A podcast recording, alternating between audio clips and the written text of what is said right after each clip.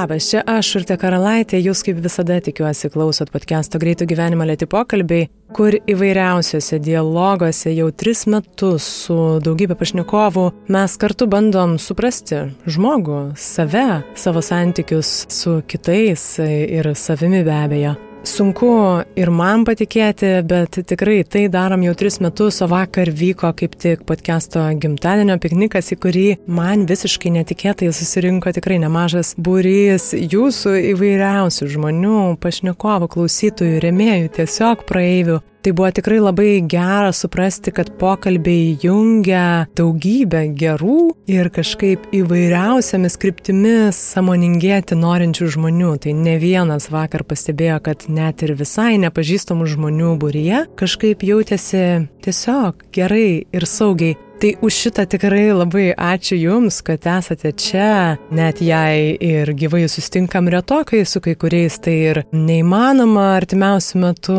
Džiaugiuosi, kad podcast'o daug klausančių ausų yra įvairiausiose pasaulio kampuose, bet aš vis tiek Jūs jaučiu, mes susirašome, aš žinau, kad Jūs klausote, o ir gyvų sustikimų panašu, kad norisi ir yra tikimybė, kad tik daugės.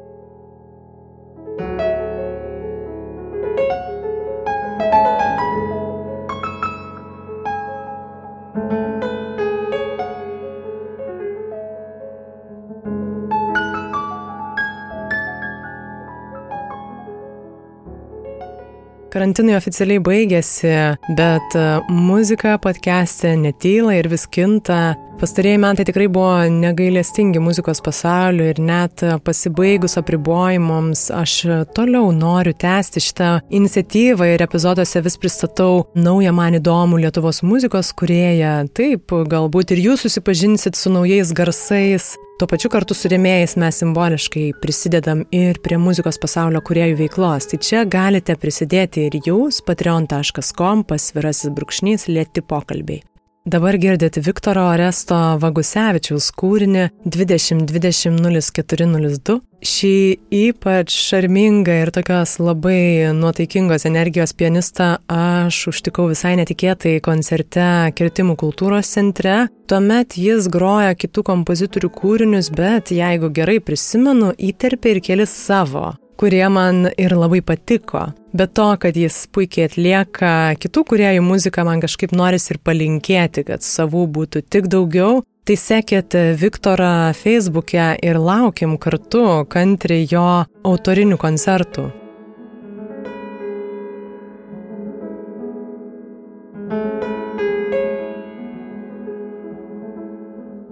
Šį kartą iš audio knygų platformos audioteka.lt ištraukiau maištingąją klasiką. Lietuvių literatūros poeto, dramaturgo, prozininko Vinco Mikolaičio Putino romaną Altorių šešėlyje. Tai tikrai kūrinys sukėlęs literatūrinę sensaciją, jo išleidimo metais, 33 beje, bet vis dar nepraradęs savo aktualumą iki šiol. Tai šitą man kažkaip net sunku suvokti, kad kai kurie dalykai ir klausimai iš tiesų išlieka žmogui svarbus šimtmečiais netgi. Romane keliamos kurėjo laisvės, žmogaus prigimties, tikėjimo ir pašaukimo, talento, kunigystės ir kūrybos sąsajos bei priešpriešos ir kitos universalios žmogiškosios problemos. Nuorodą į audio knygą rasite epizodo apraše, o su kodu lėti pokalbiai visoms audioteka.lt knygoms gausite 20 procentų nuolaidą iki Liepos 14 dienos. Neveltui prijungiau šitą knygą šį kartą galvodama apie šiokį tokį maištą. Šiandien kalbame su Vilniaus licėjaus muzikos ir etikos mokytoju Richardu Jankausku. Man per drąsų būtų vadinti jį maištininku, bet kažkokį to krislą tikrai jaučiu. Pirmiausia, man be galo patinka Richardo energija ir ugnis ir kaip jis pats sako, kad yra be galo emocionalus ir tai jaučiasi. O man emocijos yra gyvastis, kažkaip gera jas jausti ir patirti aplink. Kai skambinau Richardui pasitarti dėl pokalbio, jis tarsi teisinosi, kad yra paprastas žmogus. O aš kaip tik tada ir pagalvojau, kad kaip gera būtų vat, pasikalbėti tiesiog su paprastu žmogum.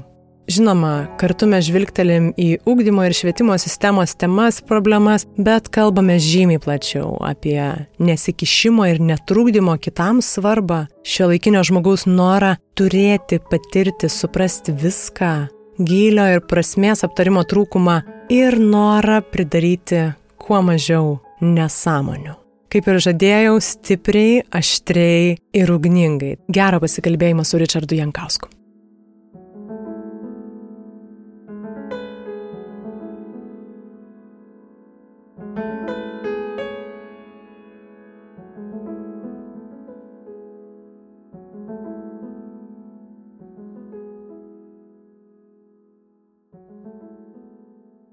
Kai ruošiausi pokalbiui, va irgi galvojau, kur mes galim nuklysti, pasikalbėti, tai pirmiausia, man svarbu paminėti, kad aš labai lengvai pasiduodu, tai jeigu kažkur krypsime, ten galėsim ir eiti, nesu griežtai nustačius, kas čia dabar vyks. Jūs esate čia lygiavertis dalyvis ir toks dialogas man atrodo įdomus labai. Ir pačią pradžią Besiruoždama pokalbiui skaičiau keletą ir jūsų interviu, ir kažkokiu tai minčių. Ir kažkaip pastebėjau, taip koncentruotai domintis gal, kad vis pastebit, kad mes retai kalbam apie tai, kas svarbu. Tai aš dabar užkimbu šito ir gal pradžiai ir norisi paklausti, kas jums šiandien atrodo svarbu. Viskas svarbu. Viskas svarbu. Na čia vėlgi priklauso nuo konteksto, nuo, nuo momento, kuriame mes esame ir kartais pačios menkiausios smulkmenos yra galbūt nesvarbiausi dalykai. Tai nu, šis sunkus klausimas. Šis klausimas yra toksai, aš pasakau, prisimenu, kai ten vaikystėje ten kas nors tam pasakydavo, kad uh, žmogui reikia ir oro, ir šviesos, ir dar kažko, ir tu užduodi klausimą ten kokiam nors ten teveliui o tai kas svarbiau, ar, ar, ar saulutė, ar ten oras, ar dar kažkas. Tai toksai, toks klausimas, kur toks viskas svarbu. Tai čia nesvarbių dalykų nėra absoliučiai. Ir ta prasme aš turbūt manau, kad kai mes kaip visuomenė, tai dažniausiai kreipiam dėmesį į tai, kas visuomenė, istoriniam kontekste labai aktualu, štai va išryškiname tos, sakykime, genijus, kurie kažką tai duoda daugiau visuomeniai Bet e, labai dažnai genijai turi labai rimtų problemų būtyje ir ta būtis, paprasta būtis juos labai dažnai nužudo. Nes ten irgi yra masė svarbių dalykų. Vėlgi čia šiais laikais čia nemadinga, ar kaip čia nešiuolaikiška kalbėti, kas čia būdinga vyram, kas čia yra moterim, tada iš karto čia seksizmą apkaltins, reiškia. Bet aš manau, kad vis tiek tam, tam, tam, tik, tam tikrai poliai yra. Tai sakykime, va ta tokia atseit, reiškia, nesvarbių smulkmenų tas rytis, kurią žymiai labiau geriau valdžiusios yra moteris, nes vyras vis tiek jis toks daugiau linkęs dominuoti, toksai, jis toksai tipo didelio skrydžio tvarinys. Tai va, tai viskas yra svarbu, patylėti svarbu, nekalbėti svarbu, kartais reikia rėkti svarbu, nu, kontekstas. Jūs paminit, kad genijams labai sunku būtyje, tai čia gal įdomu irgi, ką turite omenyje. Nesakau, kad gal ten vėlgi visą laiką yra išimtis, bet išimtis patvirtina taisyklės, bet subalansuoti yra sudėtinga. Čia, nežinau, gal čia kažką jau čia truputėlį gal painioju, bet man rodos, kad čia dar antikos graikai sakė, kad ar, gal, gal, gal ir kinai sakė, nesvarbu, bet žodžiu, kad jeigu tau Dievas atvėrė kažką labai giliai, jis tau kažką ir užvėrė. Todėl Einšteinas yra visiškai teisus, yra energijos vermės dėsnis, jeigu tu gavai kažkur tai vienam taške, kažką labai giliai, tu kažkokį kontekstą prarandi. Ir čia turėti viską šitame pasaulyje yra praktiškai neįmanoma. Ir kadangi mes vertiname tik tai, tai ką mes vertiname tuose žmonėse, už tai ir sako apie tos, tos jų išskirtinius žmonės, tai sako geriausiai turbūt žino, jeigu apskritai jie turi žmonas, arba vaikus, arba kažkokios kambarinės. Tai taip, jie galėtų labai kit, kitą, kitą pusę viškai papasakoti ir jinai būtų iš tikrųjų dažniausiai tragiška pusė. Tai va apie ką mes šnekam, kurią mes pusę dabar čia paliečiam. Tik aišku, kai mes kalbam kad ir čia reiškia, kad viešas kalbėjimas toksai, tai mes daugiau kalbam apie viešus dalykus, o ne apie ten kažkokius tai giluminius dalykus nemanau, kad didžioji dalis genijų yra laimingi žmonės. Jie yra daug pasiekę, bet e, kas yra tas gyvenimas, kur mes čia siekiam, tai čia labai tokie relatyvūs dalykai, sudėtingi. Tai čia vėlgi prie to, kas yra svarbu. O kas yra svarbu, vardan ko tu čia gyveni. Klausimai neatsakomi iš principo. Taip, čia į tą klausimą irgi galima ir labai plačiai pažiūrėti, kas iš viso bendrai pasaulyje yra svarbu. Man įdomu iš tiesų, kas vat, šitam žmogui, kuris prieš mane sėdi šią akimirką, gal atrodo svarbu, norisi viską taip truputį susiaurinti ir nežiūrėti į visą visatą ir nepriepiamus klausimus, kurie ir spaudžia galvą tam tikrą prasme. Tai gal, gal čia dar pažiūrėsite, vat, su kuo jūs šiandien atėjot ir kas jums šiandien atrodo svarbiau negu nesvarbiau galbūt. Ką jūs atmestumėte iš to viso, vat, nes visko neturėsi, ar ne? Nu tai man, man atrodo, kad aš jau tokį priejau tašką, kad man dabar svarbu nepridaryti daug nesąmonių ir kiek įmanoma, kiek aš galiu, kiek įstengiu, kiek, kiek suprantu, kiek suvoku, netrukdyti žmonėms gyventi jų gyvenimus.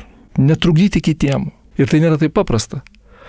Nes, vėlgi kalbant apie tos genijus, tai kai esi jaunas, tai toks esi N kartų radikalesnis, dėl to, kad turi kažkokį savo įsivaizdavimą, turi kažkokią savo kryptį, turi, kaip sakau, tokį judėjimo vektorių, labai aišku.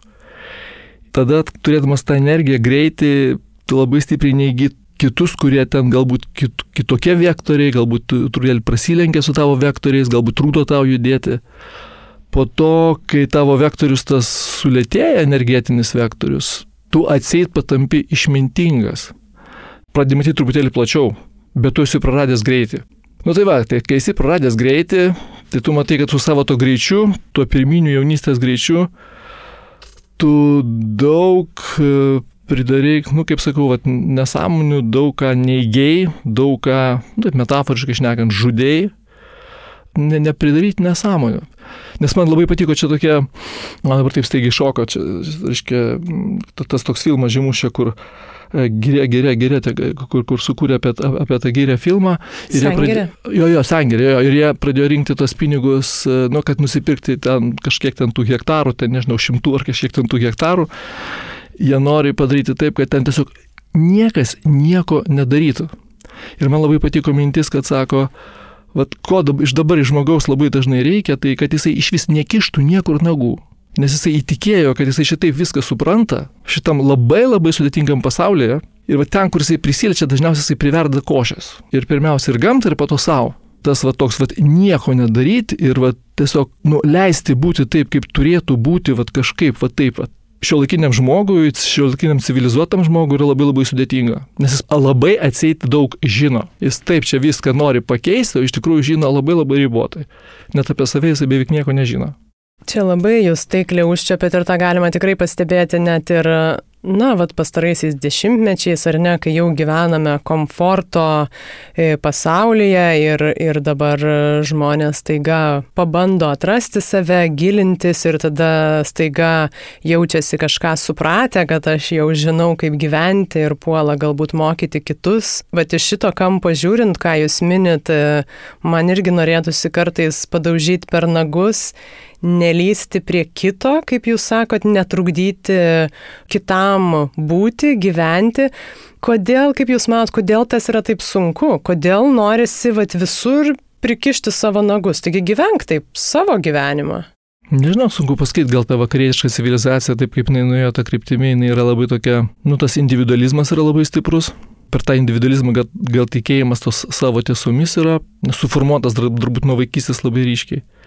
Iš kitos pusės man atrodo, kad viso to pasaulio kompleksiškumą mes e, nesuprantam, nes tiesiog mes labai stipriai tikėjome į tą mokslą, kad mokslas mums daug ką pasakys, nes anksčiau tai kaip ir buvo, nu anksčiau tai aš turiu minti, tai nesvarbu ten ar viduramžiai, ar dar kažkas, tai, tai buvo Dievo sukurtas pasaulis, jis yra tiesiog nepriepiamas ir tu esi tik tai jo dalelytė, Dabar, kaip jaunyčia pasakė, mes tą Dievą kažkur ten patraukėme XIX amžiaus pabaigoje, gal net ir užmušėm ir galbūt jis jau nebeprisikels, kaip jis sakė.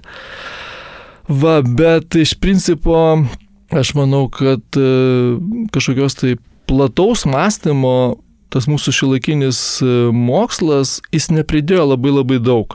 Ir čia toliai pavyzdžių net nereikia ieškoti. Iš esmės, nu, atrodytų, kad mes čia mastom tokiais masteliais, čia nežinau, čia visata, ten, ten Google visokiausi skaičiai, ten su šimta, su šimta nulių ir taip toliau, taip toliau. O, vad, kai jūs paminėjote tą tokį vartotojiškumą, o iš principo tas vartotojiškumas priveda prie to, kad tu net nesuvoki, kad, nu, tas net apie genetiką aš neku, kad iš principo, kad tu turi išlikti net savo tam genetiniam kodė, aš čia kalbu apie tai, kad mes nebenorime palikuonių, vaikų, mes nenorime pasiaukoti, kad išlaikyti save žymiai ilgesniai distancijai. Mes gyvename šiandien ir dabar. Ir mes geriau paukosime mažiau energijos mylimam kačiukui arba šuniukui, aš nieko neturiu prieš kačiukus ir šuniukus. Bet man labai nepatinka jaunos poros, kurios eina su kačiukais ir šuniukais, bet neturi vaikų. Ir suprantu, kad yra vėlgi e, labai rimta problema, kai kurios nori turėti tos vaikus, bet jų nebegali. Čia dar viena labai rimta problema. Na, nu, žodžiu, vėlgi čia toksai kaip senas, reiškia, negalime negražiai šnekėti, bet reikėtų kokį kiksmažodį pasakyti, reiškia, galima, senas galima. krienas, pasakysiu taip, labai taip švelniai, reiškia, atrodys, kad aš čia taip dusauju, dusauju, dusauju, bet man atrodo, kad mes čia su tos vartotojiškumu ir su ta vakarietiška civilizacija, na, varom save į kampą iš tikrųjų. Varom į kampą, negalim mąstyti labai plačiai, negalim mąstyti apie laikinumą, kažkur tai paslėpėm mirtį, mirtį nustumėme. Na, iš esmės tas laikinumas jis toksai mums labai labai nepatogus. Na nu, tai va, tai žodžiu, pasiaukoti kažkam, pasiaukoti vaikam, galvoti apie savo, nežinau, tokią kažkokią labai labai ilgą distanciją ir istorinę prasme, ir į ateitį nelabai gebam. Tai žinot, truputėlį galbūt jau nu, nupjoviau į pievas. Kaip ir sakiau, čia natūraliai mes taip ir vingiuojam. Nepatogus dalykai, ką jūs ir sakot, paskui Nyčės e, ir Dievo santyki, jeigu Dievas nužudytas, žmogus bando perimti iš tiesų to, to Dievo vadelės. Ir vad, ką jūs sakot, ir tas individualizmas šiandien uh, fokusuoja vėlgi ne tik poreikius, bet ir nu, tiesiog viso pasaulio va, tą centrą į, į save ir į mano sprendimus. E, tai visa tai, ką jūs sakot, mirtis, laikinumas ir taip toliau, kažkokie tai nepatogus ir, ir mano, nežinau, būviui šiandien, dabar nemalonus ir nereikalingi dalykai, jie kažkur truputį šešėlėje e, taip ir būna. Mes tarsi žinome tą faktą, kad mirtis egzistuoja, bet bet e, rinkdamėsi Na ir tas jau populiarus toksai pasakymas - paimti savo gyvenimą į rankas, kas iš vienos pusės taip e, suprantama, iš kitos pusės va tą turi turbūt prieskonį, kad nieko daugiau nematyti, imti ir daryti taip, kaip aš matau, gyvenu, noriu, nežiūrint plačiai, kaip jūs ir minit. Tai čia gal norisi truputį grįžti prie to kito žmogaus, netrukdymo kitam ir tada kitos svarbios temos tai tolerancijos. Ką vėlgi galima pamatyti, mes užaugom Lietuvoje tokioj labai, galima sakyti, siauroj terpiai ir tik tai pastaraisiais dešimtmečiais atsitrenkdami į, į tą kitokį žmogų, nes anksčiau kitokie neegzistavo, nesvarbu, kas tai būtų, ar, ar nežinau, rase, ar orientacija atskirti kiti, jie prieš 30 metų anksčiau neegzistavo, ar ne? Tai visgi, kadangi dirbate augdymo įstaigoje ir vat, galvojant apie tą mūsų visų kaitą ir, ir mokymasi visgi būti kartu su visokiais kitais. Kaip jūs matot va, tą ir kartų požiūrio skirtumą ir kaip tolerancija, tarpusavio tolerancija, kitokio pamatymas dabar gal jaunų žmonių tarpe veikia? Tai jaunimas iš tikrųjų yra kit, kitoks, kitaip mato, dabar galvoju, norėjau pasakyti, kitaip masto, bet čia gal truputėlį reikėtų jau taip giliau lystis to mąstymu, nes vėlgi jie vartoja, kai vėlgi kalbėjom apie tą mirtį, ne, tai tie dalykai yra užkoduojami labai labai ankstyvoje vaikystėje, net kalboje, Nes, nu, apie kokį tau pasaulį kalba aplinkiniai, nu, tugi mažas vaikas, tu, tu esi kopijavimo mašina. Tai apie ką kalba su tavim tėvai, ką mato, ką tau rodo, tai tokį tau pasaulį ir suformuoja. Tai jeigu tau nieks čia nekalba apie kažkokius tai tokius, žinai, laikinumo dalykus, ten pasiaukojimo dalykus, ten, nežinau, ten mylėk, tikra, tikra žodžio prasme, tas kažkokios krikščioniškos, ten, nežinau, ten, tai tokios, aiškiai, mylėk savo artimą kaip pat save. Jeigu tų dalykų nėra, nu, tai jų nėra. Tai dabar labai panašiai vyksta su dabartiniu jaunimu. Tai vartoja jie inter, inter, jau visiškai kultūrą kitą, vakarietišką kultūrą vartoja, mato daugiau serialų.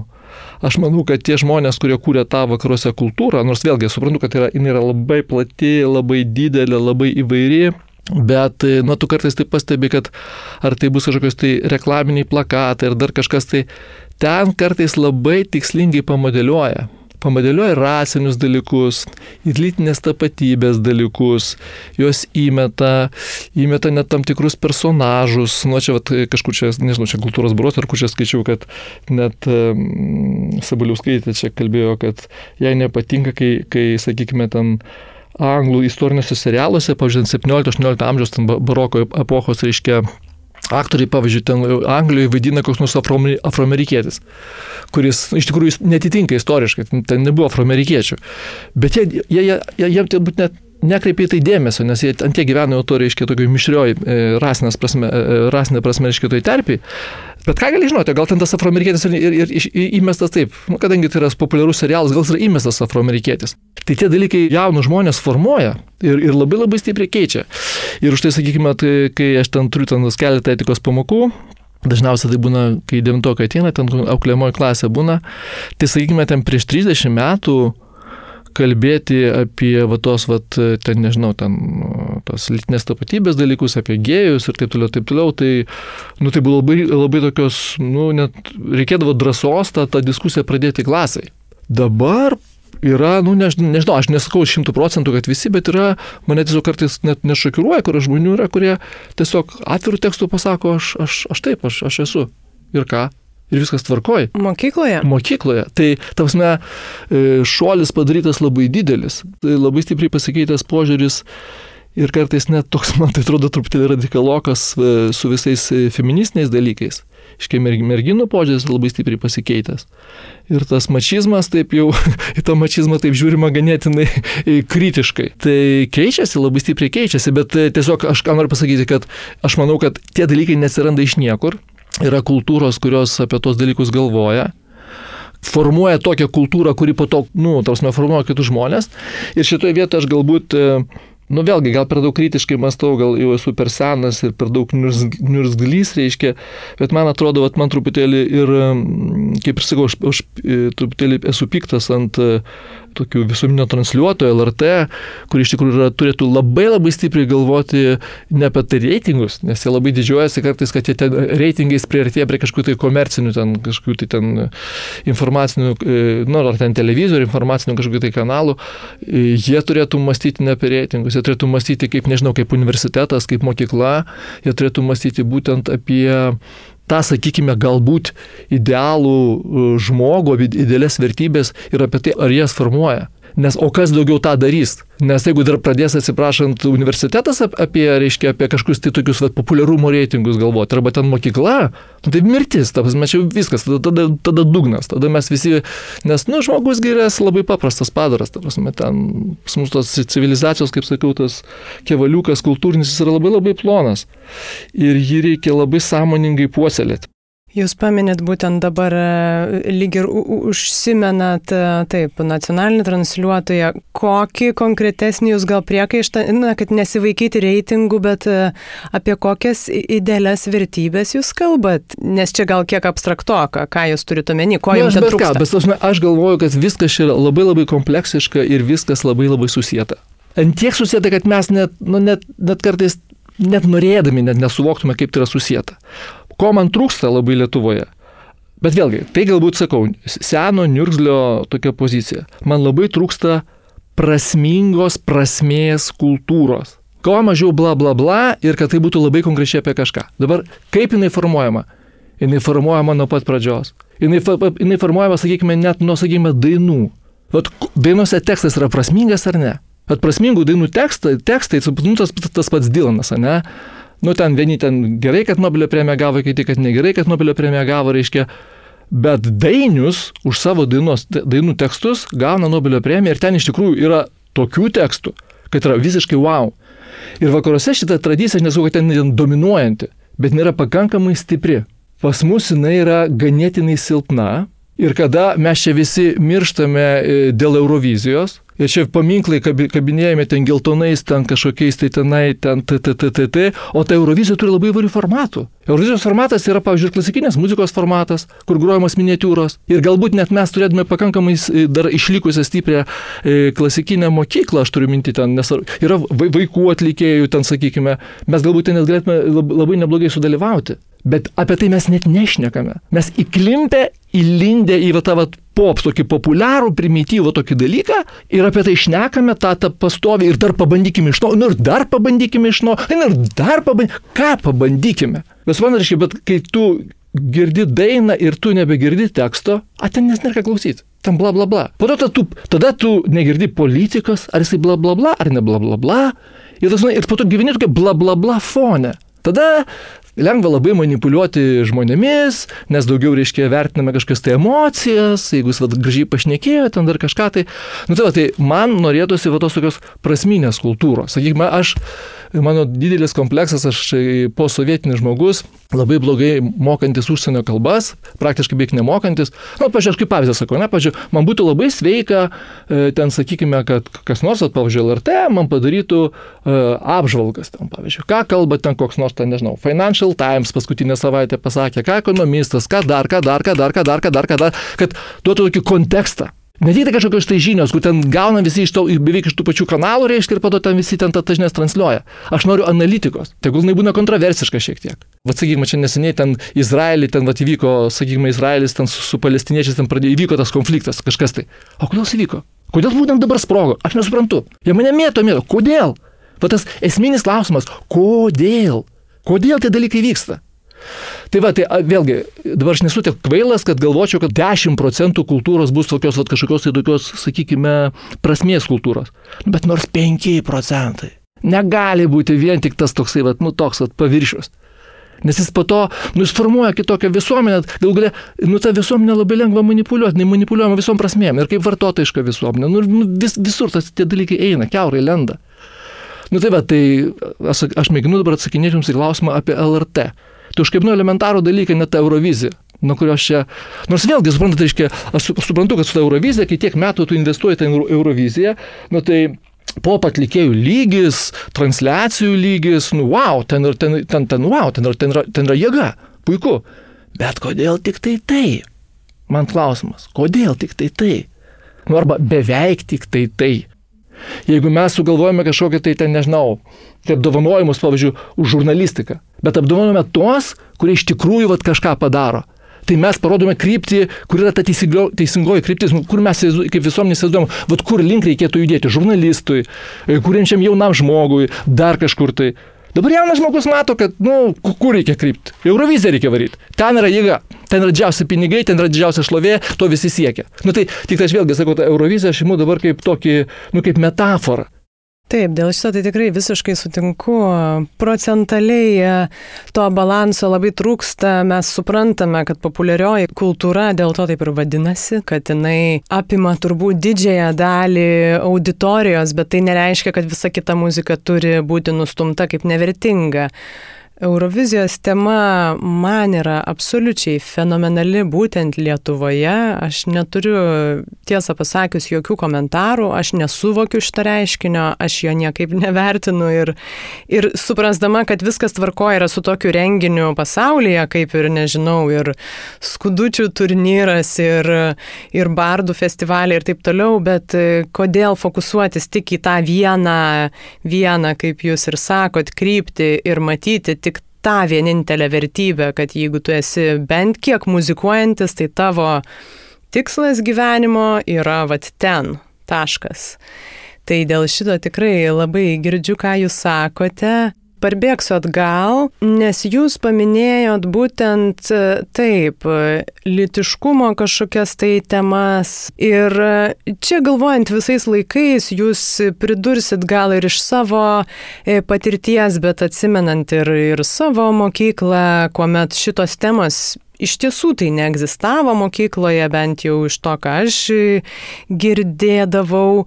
Jos yra nepatogios, nepatogios būdavo ir mum kaip moksleiviam, bet panašu, kad ir, ir mokytojam visiškai buvo neaišku, kaip prie jų prieiti. aš tiesiog galvodama apie kažkokias tai ir emocinio ūkdymo ir litiškumo temas, kurios iš tiesų paaugliui yra tuo metu be nesvarbiausios.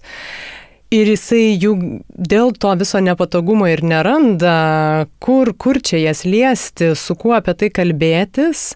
Tai vad įdomu ir jūs kaip mokytojas iš dabartinės perspektyvos, kaip pažiūrėtumėt, kaip bendruomenė, vat ir mokytojų tuo met, jūs sakot, kad jaunimas nebijo ir gali apie tai išnekėti ir va kažkas galbūt ir apie savo orientaciją gali ramiai kalbėti. Ar nėra taip, kad mokytojams sunkiau prieiti prie šitų temų? Be abejo, kad sunkiau, nes na, mes vis tiek, e, žiūrint, kokie mokytam. Tai jeigu imti mokytoją kaip, kaip mane, kuris jau yra jau, jau, jau iki pensijos šiandien nebetoli, tai, Tai vis tiek mes esam tie post, post sovietikai, tai mums, mums sunku. Kitas dalykas, e, vėlgi, amžiaus tas skirtumas yra, nes jaunas žmogus lengviau atsivers jaunam žmogui. Nu čia tiesiog taip yra. Nors aišku, ten, kai ilgiau pabendrauji, tai ten jis po to ten pradeda skenuoti, galbūt supranta čia tau, galima atvirauti ar negalima atvirauti, tai galima pasitikėti ar negalima pasitikėti, bet, bet tas momentas yra. Tai Taip, tai yra sudėtinga kalbėti, bet aš tiesiog vėlgi negaliu vertinti, bet aš manau, kad dabar yra tokia galinga jėga tas internetas. Ir aš manau, kad labai labai daug informacijos susiranda tenai. Tik va su to interneto problema, ar, ar jie adekvačiai tą informaciją įvertina ir ar, ar, ar, ar pakankamai kritiškai vertina, nes ten irgi lavina tos informacijos yra. Ten iš tikrųjų ją reikėtų gerai skenuoti Nu ir pavyzdžiui, kaip aš tai, nu aš esu labai blogas interneto vartotojas, ta prasme labai mažai vartoju, tai net galbūt mažai orientuojuosi tuose kontekstuose, kas ten tokio yra, kas irgi yra labai dėlis minusas. Nu, mes aš jau old schoolinis daiktas, toksai jau, jau labai, labai, labai sudėtinga, bet kad tas ta, toks amžiaus tarpsnis, vat, kuriam reikia apie tai išnekėti, labai labai jo, tai labai labai svarbu. O mes labai stipriai švietime orientuoti dabar į tą profesinį tokį orientavimą. Kai aš sakau profesinį orientavimą, tai aš turiu minti, kad, nu, va, čia tu išmoksi ten tokius ten matematikas, fizikas, dar kažką, tai gausi gerą profesiją, gausi gerą atlyginimą, gausi gerą profesiją. Ir e, vėlgi labai e, mažai kalbam apie tai, ar tas žmogus, jau turėdamas, kad ir tą gerą profesiją, ar jisai bus laimingas ar tik tai tavo gera profesija, tavo geros žinios, jos ir duoda tau tą gyvenimo pilnatvę. Tai va čia mūsų tas visas švietimas ir universitetinis, ir, ir, ir, ir, ir, ir, ir neuniversitetinis, nu, apie tai jau šią seniai visi šneka, reiškia, jis eina vis, vis labiau į tokias, nu, proftechas, net universitetas patampa proftechas. Jis nebe, nebe universumą šneka, kas šitas yra pasaulis, ką jis čia veikia, ką šitame pasaulyje veikiu, Ne, ne, jie sako, tu būsi geras profas. Tu gausi ten prie, prie vienetuko ten 10 nuliukų, ar ten 3 nuliukus atlyginimo, ar ten 4 ar 5. Ir tu tada būsi laimingas, nes tu į Maljorką ten nuvažiuosi ar Bahamus. Ar tikrai? Čia klausimas iš tikrųjų. Mokykla tam reikalui skiria mažai dėmesio, bet turbūt ir nelabai, net ir norėdama turbūt negalėtų daugiau skirti dėmesio, nes visas švietimas nuvažiavo į tą, į tokius į profesinius dalykus jis e, apie mūsų laimę, kas, kas ją sudaro, iš tikrųjų kalba labai labai nedaug. Jis kalba apie profesiją. Čia dabar įdomus keli aspektai. Jūs esate muzikos mokytojas ir, ir etikos, ar ne? Būtent e, irgi vieni iš tų dalykų, kur taip skambiai sakant, na, vat, profesijai, jeigu tu nori tų daug nuliukų, tarsi nelabai čia reikalingi.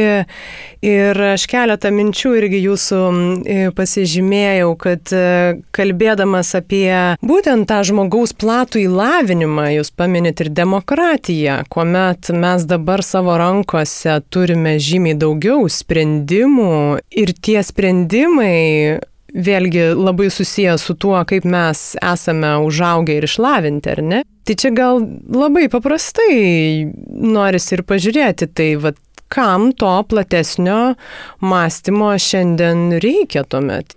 Va šiais visas, visas tas kabliukas ir yra, kad e, kam reikia, kad e, kokią tu profesiją beturėtum, bet kokia specialybė ir kiek tau nuliukų ten beduotų, vis tiek viskas vargina ir taip, nu, žargonų šnekant, viskas užknisa kažkur, kažkurio tai momentu ir kažkoks kitokio pobūdžio veikla, nesvarbu, ar tai bus, nežinau, ten knygos skaitimas, ar tai bus ten, nežinau, kompiuterinės muzikos kūrimas, ar sportas, ar tai dar kažkas. Tai jinai visą laiką pradeda veikti kaip, kaip, nu, kaip rekreacinės mechanizmas. Jinai tave atstato. Laimės yra labai daug, kad tu tiesiog, nu, mėgaujas pasaulį kokį tu pasaulį matai, tu matai siaurą ar tu platų, tas žavesys, tas stebėjimasis, tas, tai va, tie dalykai jie labai labai, labai svarbus yra. Ar tu esi toks ribotas, ar ir turi ir to, ar to, ar tu ten, nežinau, gali pagroti, gali padainuoti, gali, nežinau, ten tapybą supranti, ten dar kažką, tai va tie dalykai man yra labai labai svarbus. Tai čia taip, čia tas, e, kalbant apie asmeninį tokį santyki, kuo tu turi platesnį santyki, sąlytį su šituo pasauliu, O jis yra toks sudėtingas, kad tu bet kuriuo atveju prisiliesi tik tai prie mažos, mažos dalelytės. Jis yra be galo didelis tas pasaulis. Tai ko tu turėsi va, didesnį tą prieimą, tai nu, tu tiesiog būsi, kaip sakyti, net lengviau gyventi, nes jis tave užpildo tas pasaulis toksai. Kai jūs pradėjot kalbėti apie demokratiją, tai aš manau, kad Bet mes ir skinam truputėlį vaisius, nu ten pažiūrėkite, sakykime, ten mums reikia ten kažkokius tai paminklus tam pastatyti, ne, ar ten Lūkiškio aikštėje, ar ten dar kažkur tai. Ir e, mūsų visuomenė yra neparuošta.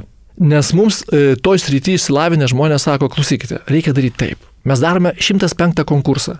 Ir profesionalai daro taip. Ne, ne, mes sakom, tie profesionalai nieko nesupranta. Nes mes taigi geriau suprantame. Tik mes nesuprantame, kad mes nesuprantame. Vat kur problema. Atėjome, reiškia, iš to, iš to laikmečio, kur ten e, niekas per daug neaiškino. Ir čia yra, čia yra labai rimta problema, nes svertai atsiranda, nu, kaip demokratijos, demokratijos svertai atsiranda vis daugiau, reiškia, toje vadinamos, reiškia, nu, žmonių, tos liaudės, masės, ar kaip čia pavadinti, reiškia, rankose, o jinai yra neparuošta.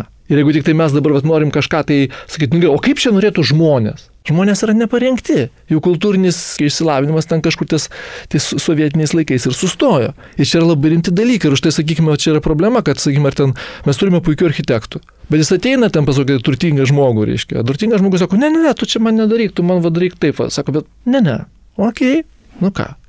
Ir, va, ir, ir visur taip yra. Ar skulptorius, ar architektas, ar dar kažkas. Tai, tai, yra, nu, tai yra rimti dalykai. Čia lygiai tas pas, aš manau, po to viskas pradeda liesti po to ir teatrą, ir literatūrą, ir lelelele, visi šitie dalykai. Tai demokratija turi labai rimtų problemų ir, ir turi labai didelių užduočių. Vat būtent švietimo ir lavinimo užduotis. Man atrodo, kad mūsų politikai kol kas yra pasiekę tokį lygį, kad jie supranta, kad reikia apie švietimą kalbėti. Jie supranta, kad reikia šnekėti, kad švietimas tai yra iš tikrųjų prioritetas. Bet kad tikrai švietimas prioritetas, Aš nežinau. Pavyzdžiui, man kilo didelis klausimas, jau beveik 30 metų praėjo, nuo 90 metų, ne, nuo laisvos Lietuvos. Kažkada tai kažkas labai kritiškai pasižiūrės, kiek mes pastatėme e, koncertų salių, naujų teatrų, stadionų, baseinų, kurie skirti ne gyvenamųjų namų, kur ten labai greitai pinigai, o va šitą. Ir mes pamatysime įdomų vaizdelį. Ir tai visiškai nereiškia, kad sovietinė sistema yra gera. Jis buvo tragiška sistema. Bet ar mes iš tikrųjų esam tokie šaunuoliai? Čia bus didelis klausimas. Pasirodės, kad mes čia taip dabar, nu, pagal Maslau piramidę, paprasčiausiai dabar mėginame, nu, tą kūną prifarširuoti, reiškia, tos materijos finansinės. O tie visi dalykai degraduoja. Jų nėra. Jie kažkaip nyksta, nyksta. O, o juos reikia palaikyti. Tai, tai yra sudėtingi, sudėtingi procesai. Nu, tai vad nežinau, vėl sumaliau viską. Čia įdomu, jūs paminėt e, taip, kad švietimas kaip prioritetas e, jau lyg ir va tokia skambi antraštė kažkur egzistuoja, bet tada man iškart norisi paklausti, kas yra švietimas.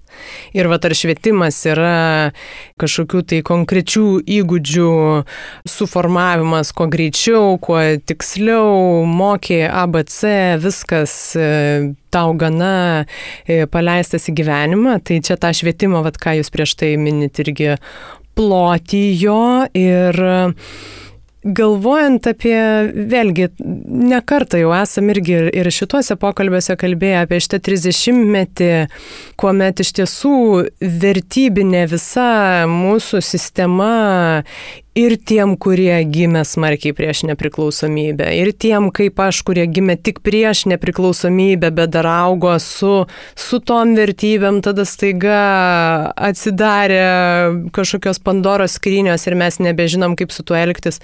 Tai šitas procesas iš vienos pusės yra natūralus, kad mes turim iš naujo viską susivirškinti. Tik klausimas, kiek laiko tai trunka, kiek laiko mes e, iš naujo bandom formuoti savo vertybės ir kokios yra mūsų kažkokios gal be nusistovinčios vertybės. Ar mes vis dar vat iškylant tokiom diskusijom viešųjų erdvių, ar, ar nežinau, ir, ir dabartiniam vat ir šeimos klausimais, ar mes vis dar matome tik tai vieną tą įprastąją monetos pusę, ar mes galim pamatyti plačiau, ar mes galim priimti kito nuomonę, kitokio, ar mes mokam kalbėtis apie tai, kad tokiais turbūt konfliktinėse situacijose, diskusijose, be kurių neįmanoma iš viso suformuoti tų vertybių, mes tada pamatom, kas mes iš tiesų esam. Taip, tai jūs teigiate, koks klausimas? Tai čia jau kadangi mes taip, čia kadangi natūraliai jau mes kalbamės, tai taip, tai klausimą galiu. Taip, tai dėl to švietimo noriu pasakyti ką, kad e, čia gali taip atrodyti, kad čia atėjo toksai neįvykęs muzikantas ir labai stipriai viską stumia į humanitarinę pusę, tai aš noriu pasakyti, kad jokiais būdais negalime neikti e, tų profesinių dalykų. Tai vad kalbant apie tą švietimą, tos vėlgi surasti tą balansą yra labai sudėtinga. Bet akivaizdu, kad mes dabar matome, kad nu, viskas labai stipriai krypsta link tos profesinės pusės. Ir vat, vat, ta vat, kita pusė, jinai, vat, jinai, jinai, jinai darosi labai labai silpna profesinės pusės niekaip mes paneigti negalim. Tai yra, labai, tai yra nu, tiesiog Tai yra vėlgi tokie pamatiniai dalykai. Bet turime matyti ir, ir tą pusę. Va čia reikia, akcentuoti, kad mes negalim tų profesinių dalykų neigti. Bet e, žiūrint, tiesiog matydami, į kurią pusę dabar va, tas traukinys visas lenka nuo tų bėgių, nu, tai reikia tiesiog daryti sąmoningas pastangas. Ir dar ką noriu pasakyti, va, ko nepasakiau, kad e, jeigu mes turime kažkas tai didelės kultūras, tai nesvarbu ten ar ten britai, ar ten prancūzai, ar ten vokiečiai, ar ten amerikiečiai, jų yra pakankamai daug, reiškia žmonių, e, to milijoninė masė. Ir tada tie keli procentai, jie iš tikrųjų ten gali sudaryti ten, sakykime, nu, kažkokį tai tokį, kaip aš sakau, vat, yra sriubytė, jos esmė yra vandenukas. Bet viduje ten yra rebaliukų sluoksnis. Ir va tas rebaliukų sluoksnis jis susidaro. Mūsų yra labai labai labai nedaug. Ir už tai, sakykime, jeigu mes lygiai taip pat pasiduosime e, tiesiog nekritiškai, tik tai va tai paviršutiniškai pop kultūrai, nedėdami didesnių pastangų, va šitai reiškia, sakykime, kažkokia tai, kaip aš sakau, reiškia, prasminiai, prasmingai, e, intelektualiai e, kultūrai, nu tai mūsų virškins jinai visiškai. Nes, sakykime, tas, tas, ta, tie keli procentai pas mus nuo tų 3, ten, nuo 3 milijonų nebeturime. Tai nuo tų 3 milijonų yra nu, toks mažas, kad jis nesudaro tos plevelės. Už tai aš manau, kad nu, mes turėtume kur kas daugiau pastangų dėti, negu ten, sakykime, nu, tos, kaip sakau, reiškia, tos didelės šalis, kurios ten, nu, jis ten ten gali iš tų kelių milijonų atsirasti, ten, nežinau, ir, ir laidos, ar ten dar, dar kažkas, tai knygų kažkokios tai leidybos ir taip toliau, taip toliau. Mes turime procentualiai daugiau pastangų dėti negu jie, nes mes esame maži. Pirmia, pirmiausia, kalbu, reiškia, gyventojų skaičiumi. Nežinau, ar, ar teisingai, ar, ar supratot, ką aš noriu pasakyti. Mūsų yra mažai Ir už tai mes turime labai eiti į kokybę. Nes ten pas juos kiekybė truputėlį pagimdo tos dalykus, o pas mus jos nėra. Ir vat, e, mes turėtume labai spiriai kovo dėl kokybės. E, o ta, ta paviršutiniška, ta pop kultūra, jinai mes ją gausime. Jos yra pilna aplinkui, tiesiog tonomis, jinai bus baigia mus už, užpresuoti, reiškia. Ir turime labai tokią, nežinau, turėti tokį didelį atsvarą viduje. Tai jūs paminėjot prieš tai nacionalinį transliuotoją, mokykla yra jums artimesnė irgi kasdienė terpė švietimo būtent klausimų. Čia neišvengiamai norisi vat, pažiūrėti ir tą gerai muzikos pamokos, dailės. Mano mokykloje visą laiką buvo dar ir šokio pamokos ir įvairios kitos Taip, vad būtent to pla plataus uh, lavinimosi, ugdymosi, humanitarinės, žodžiu, pamokos, kurios bent jau mano laikais ir dabar to irgi girdžiu, ne tik moksleivių, bet ir mokytojų buvo nurašytos. Kaip ne tik nereikalinga, bet ir neįdomi ir ten, nu žodžiu, pamiegojimo pamoka. Ko aš pati kaip humanitarė, aš visada labai norėjau, duokite man įdomią pamoką, duokite man įdomią muzikos pamoką, aš norėčiau susipažinti, neliepkite man e, bandyti atspėti tiesiog iškalti kūrinių atmintinai. Tai čia tiesiog aš prisimenu vis tokių pavyzdžių ir jau nekalbant apie pabaigusius mokyklą, kurie jau įkalti mokytojų, kad tu klausos tikrai neturi, tu piešti tikrai nemoki vėlgi apie tas įgūdžio griežtą tokį formavimą. Kaip prieiti su ta kultūra tuomet? Ir, na, mokytojo požiūris čia yra vienas dalykas, bet kaip tada atnešti tą kultūrą kitaip jaunam žmogui, kur, kur galbūt nebus čia iškaus ritmo, jeigu apie muziką kalbant ir ne, tai nebus tau įprasta galbūt pop daina, Ir ką jūs pastebit, kuo, kuo susidomi, kas vyksta kitaip, kad gali įtraukti? Čia yra rimta problema, ta prasme, pirmiausia, kad per tą sovietmetį užauginom mokytojų kartą, kuri negalėtų paaiškinti. Vat, tai įdomiai, nežinau, nes, kas, ką sakau, reiškia paaiškinti, nes nu, mano gilių įsitikinimu visi procesai, kurie vyksta mene, bet kuriam laikmetį, jie absoliučiai koreliuoja, jie absoliučiai atitinka to laikmečio, nu, taip vadinamą, tą dvasę. Tai yra mokslo įsivystymą, ten ekonomikos įsivystymą, tai yra viskas, tai yra absoliučiai viskas susijęta. Ir e, jeigu tu, nu, sakykime, ten kur nors ten, ten, nu, ten ginčiasi, ten ar 913 metai, ar 915 metai po Žemalevičiaus kvadratas. O kaip, vat, vat paaiškinkite man, vat kaip šitas giliai tikinti žmogus, jis yra mystikas, ir jisai tapo kvadratą. Kodėl? Kodėl 19 amžiuje kvadratas negimė, o čia jisai gimė? Kodėl? Kas yra psichiškai nesveikas? Kas jis yra? Mondrianas eina paskui Malevičių, eina irgi prie tų abstrakčių, reiškia, e, geometrinių formų, prie, prie, prie pirminių spalvų, irgi yra mystikas. Jisai mėgina išreikšti kažkokią tai abstrakčias religinės idėjas. Paaiškinkit man, kaip čia yra. Ar mes paruošėm mokytus, kurie galėtų paaiškinti? Aš galiu ten, sakykime, kaip pavyzdys, kad ten, oi, ten visi žino Keidžo gabalą, ten 4,303. Gerai, kodėl šitą gabalą kūrė? O ką iš to gabalų norėjau pasakyti? 4 minutės 33 sekundės patilėti. O kas čia yra? O kodėl? O kodėl jis tik dabar gimė?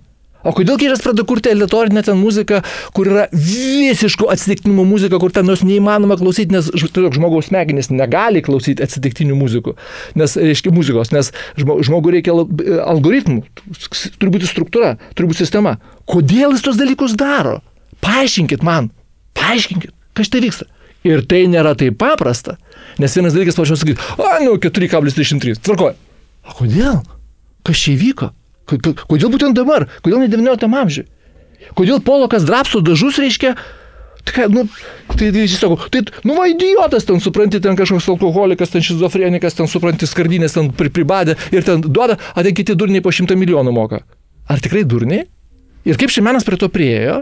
Ar ten bet ką ten sutina paimti, ten, ten nu, kažkošmariškas, ten, ten tas ekspresionizmas drastiškas, reiškia toksai. Nu, bet kas? Reikia pa... Ir, ir, ir, ir tai nesirado tuščioje vietoje. Yra raida. Ir, vat, ir vėlgi reiškia, meną reikia aiškinti ir suprasti, ar dar kažkas tai kontekste viso to, kas įvyko 20 amžiui. Nes čia viskas susijęta. Bet susijęti yra labai sudėtinga. Tos mokytus reikia ruošti. Su mūsų pedagogu net va universitetą uždarė, nes ten jis jau nusivažiavęs buvo kitokio lygio, kad iš tikrųjų ten turbūt jį uždarinėti reikėjo. Tai va, ir tai padomok, tai ateina mus mokyti. Ir ką, nu ir tai ir toliau, reiškia, po to išmoko, ko išmoko, po to mes einam mokyti, nu važiuoja traukinys. Kur jis važiuoja? Po to ten koks nors, reiškia, Urbanavičius pastato vamzdį, kas iš principo yra 70-metis, nu aš kalbu dabar apie ten minimalizmą, amerikiečių ir taip toliau. 70-metis. Dabar mes jeigu padarytume kokį nors ten, nežinau, referendumą, nu, taigi nugriautų. Čia yra, čia yra, nu maždaug taip 50, jeigu nedaugiau, 60-70 metų idėjų, e, nu, senumo idėjos. Jūs nueikite į pasų, e, pra, pra, turbūt prabangiausią, reiškia, viešbutį šiandien Vilniuje ir pamatysite apgriuvusios sienos, tinkas suvarytas, plytos, kažkas ten baisaus. Ten Hebra net užtinkuoti matai nesugebėjo. Ne, ne, ne. Pasirodo, kad tas minimalizmas su visom rudim, su dar kažko, tai jis ateina ne iki viešbučio lygio. Bet mes dar netėjome iki tenai. Mes dar tik tai realizmas. Ir daugiau niekaip. Peršokti niekaip negalim. Ne visi, ne visi dar atėjo. Ne, Ne, nu tai ten... ne ne, vis- turiu omeny, kad ne visi iki tenai atėjo. Ai, nu tai va, tai va, čia, suprantat, tai yra masė pavyzdžių, reiškia, suprantat, nu ir tokių, aišku, kad tie dalykai aplenkia ir tas vamzdis yra aplenkęs, nes čia vėlgi tas vamzdis, kada tu jisai yra pastatomas ten nors tenai bankų kvartale, ten Londone, New York ar dar kažkur, tai kur ten vis veidrodiniai paviršiai ir tas surudijęs gabalas, ten luitas kažkoks olos, jis vienaip žiūrisi. Kai tu čia iš to reiškia, atsiprašant, e, kur čia tų, tų, tų reiškia, surudijusių gabalų šiukšlynų pilna, tu pastatai tą vamzdį, tame kontekste, kad tas surudijęs vamzdis čia pas mane vat, už garažų, tava Vilnius garažais niekaip negali atsikratyti, reiškia, di- di- di- didžiausia šiukšlyna, reiškia. Tai pas mus šiukšlynų meno nereikia, nes pas mus šiukšlynas natūraliai egzistuoja. O, o kažkur kažkas tai kaip, kaip e, mum- mums atrodo, kaip idiotai šiukšlyno meną kūrė kažkokią tai. Tai va, tai tie kontekstai, bet aš vedu prie ko. Paaiškintos dalykus yra labai sudėtinga. Čia reikia specialiai žmonės ruošti. Niekas jų nerašė. Sovietmečių tų dalykų nežinojom, vos ne vienintelė ten knyga šią pečių ten turėjom, tokia e, modernizmo metmenis atrodo buvo. Nu, yra toksai, toksai kaip iš to bado, o tai kas yra tas ekspresionizmas, abstraktus ekspresionizmas, ten dar kažkaip ten surrealizmas, kažkaip tai domėjasi, domėjasi, domėjasi, domėjasi, domėjasi. Ir tai, nu, tai iki postmodernizmo kažkaip datraukiau. O jau to post postmodernizmas man ir užsidarė. Nes ten, nu, ten, bam, ten su labai sudėtingi dalykai. Tai aš tiesiog, aš kodėl apie tos dalykus šneku? Dėl to, kad aš suprantu, kad nieko nesuprantu. Kad ten yra ką veikti net, net reiškia su pastangom vidiniam yra ką veikti. O kad tai reiškia permesti kažkokią tai sistemą, kad po to tie žmonės galėtų, nu, vat, su mokiniais apie tos dalykus kalbėti, atverti visą. O vaikams yra žiauriai įdomu. Nes vat, gyvenant 21 amžiam, tu pradedi kalbėti apie kokius nors ten, ten nežinau, vat tos dalykus apie bet ką, tu ten apie surrealizmą, apie bet ką, apie dadašnę kiek. Ir ten akis iššoka. Nes, nu, mes tų dalykų nesam paaiškinę. Dušamo pisuarą, kas man gali paaiškinti? Kodėl jis ten išrinktas vos neįtakingiausių meno kūrinių? 20 amžiaus. Nu tai kažkas, nu, durnė reiškia, nu tai žinai, tai, tai ir išrinko kažkaip tai minoterinkai, neturėjo ką veikti. Ar tikrai taip? Nežinau.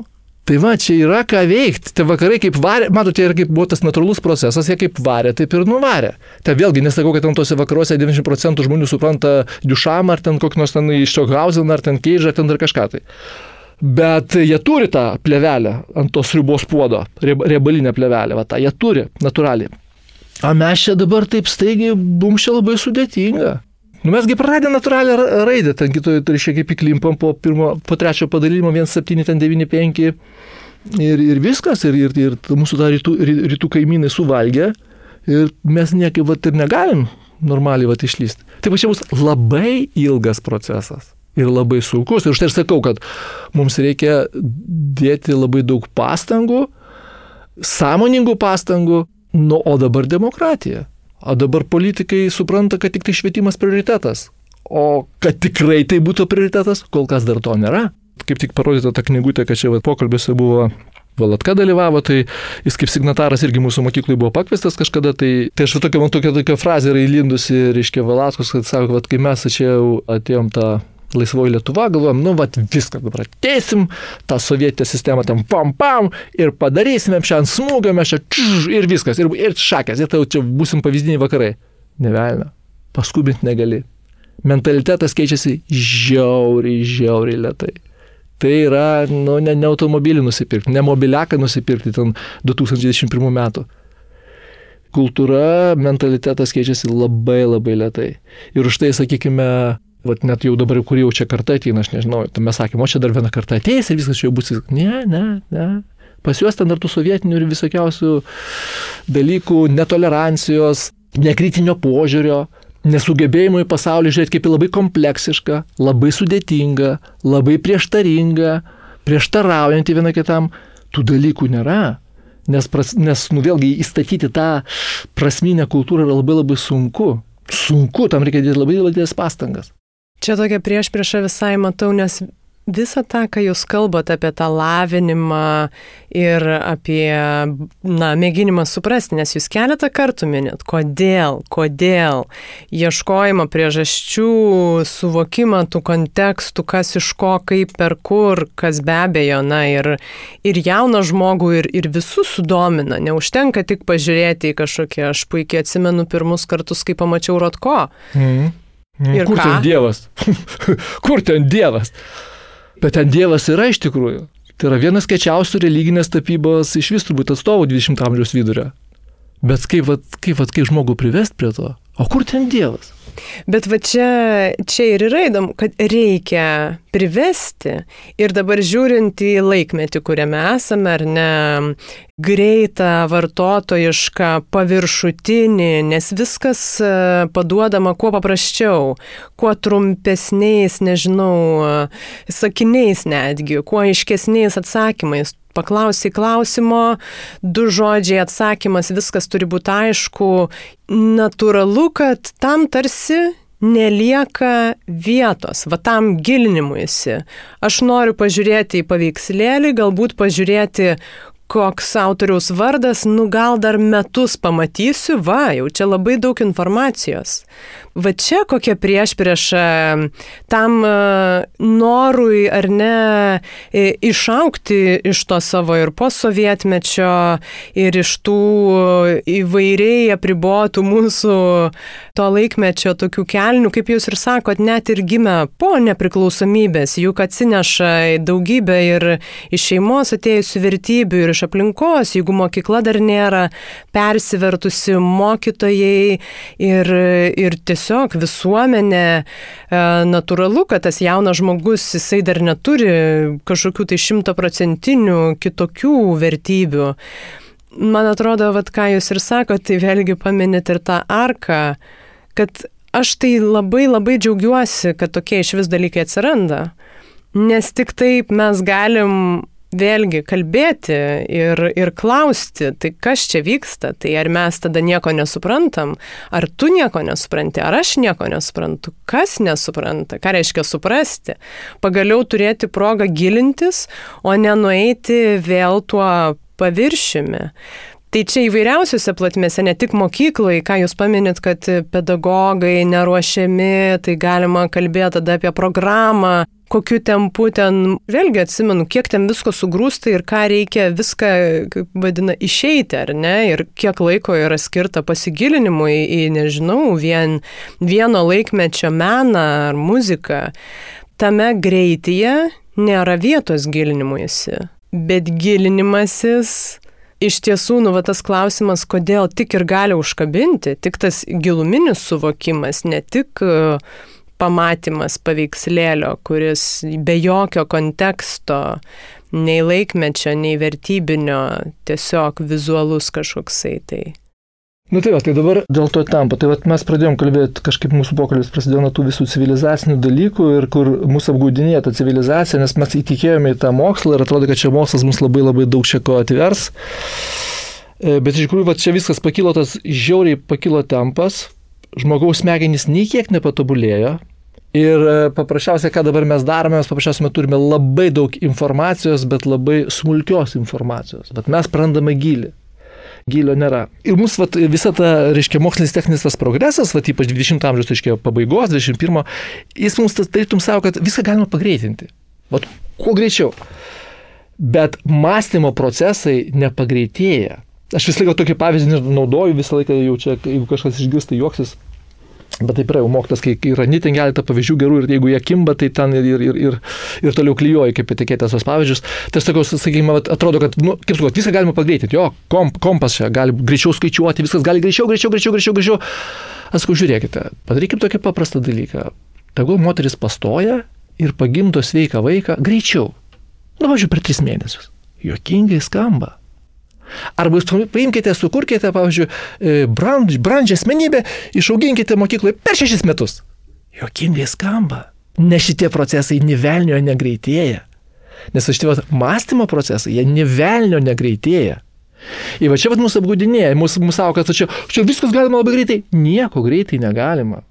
Jeigu tu nori kažkas tai gilesnė, gilesnė suvokimo, gilesnio konteksto, reikės skaityti ne antraštę kažkokio tai straipsnio, ten internetinę, o reikia skaityti knygą.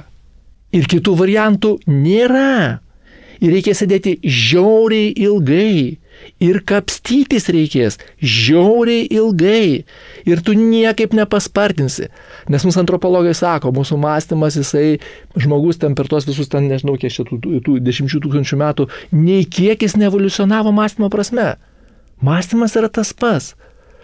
O mes norime tabletėmis. Tiesiog va tabletė duok, bam, bam, bam, bam, bam, viskas. Na, tai tabletėmis ir gyvename. Nes mus taip įtikino, kad taip įmanoma taip. ir mes dabar taip bandom.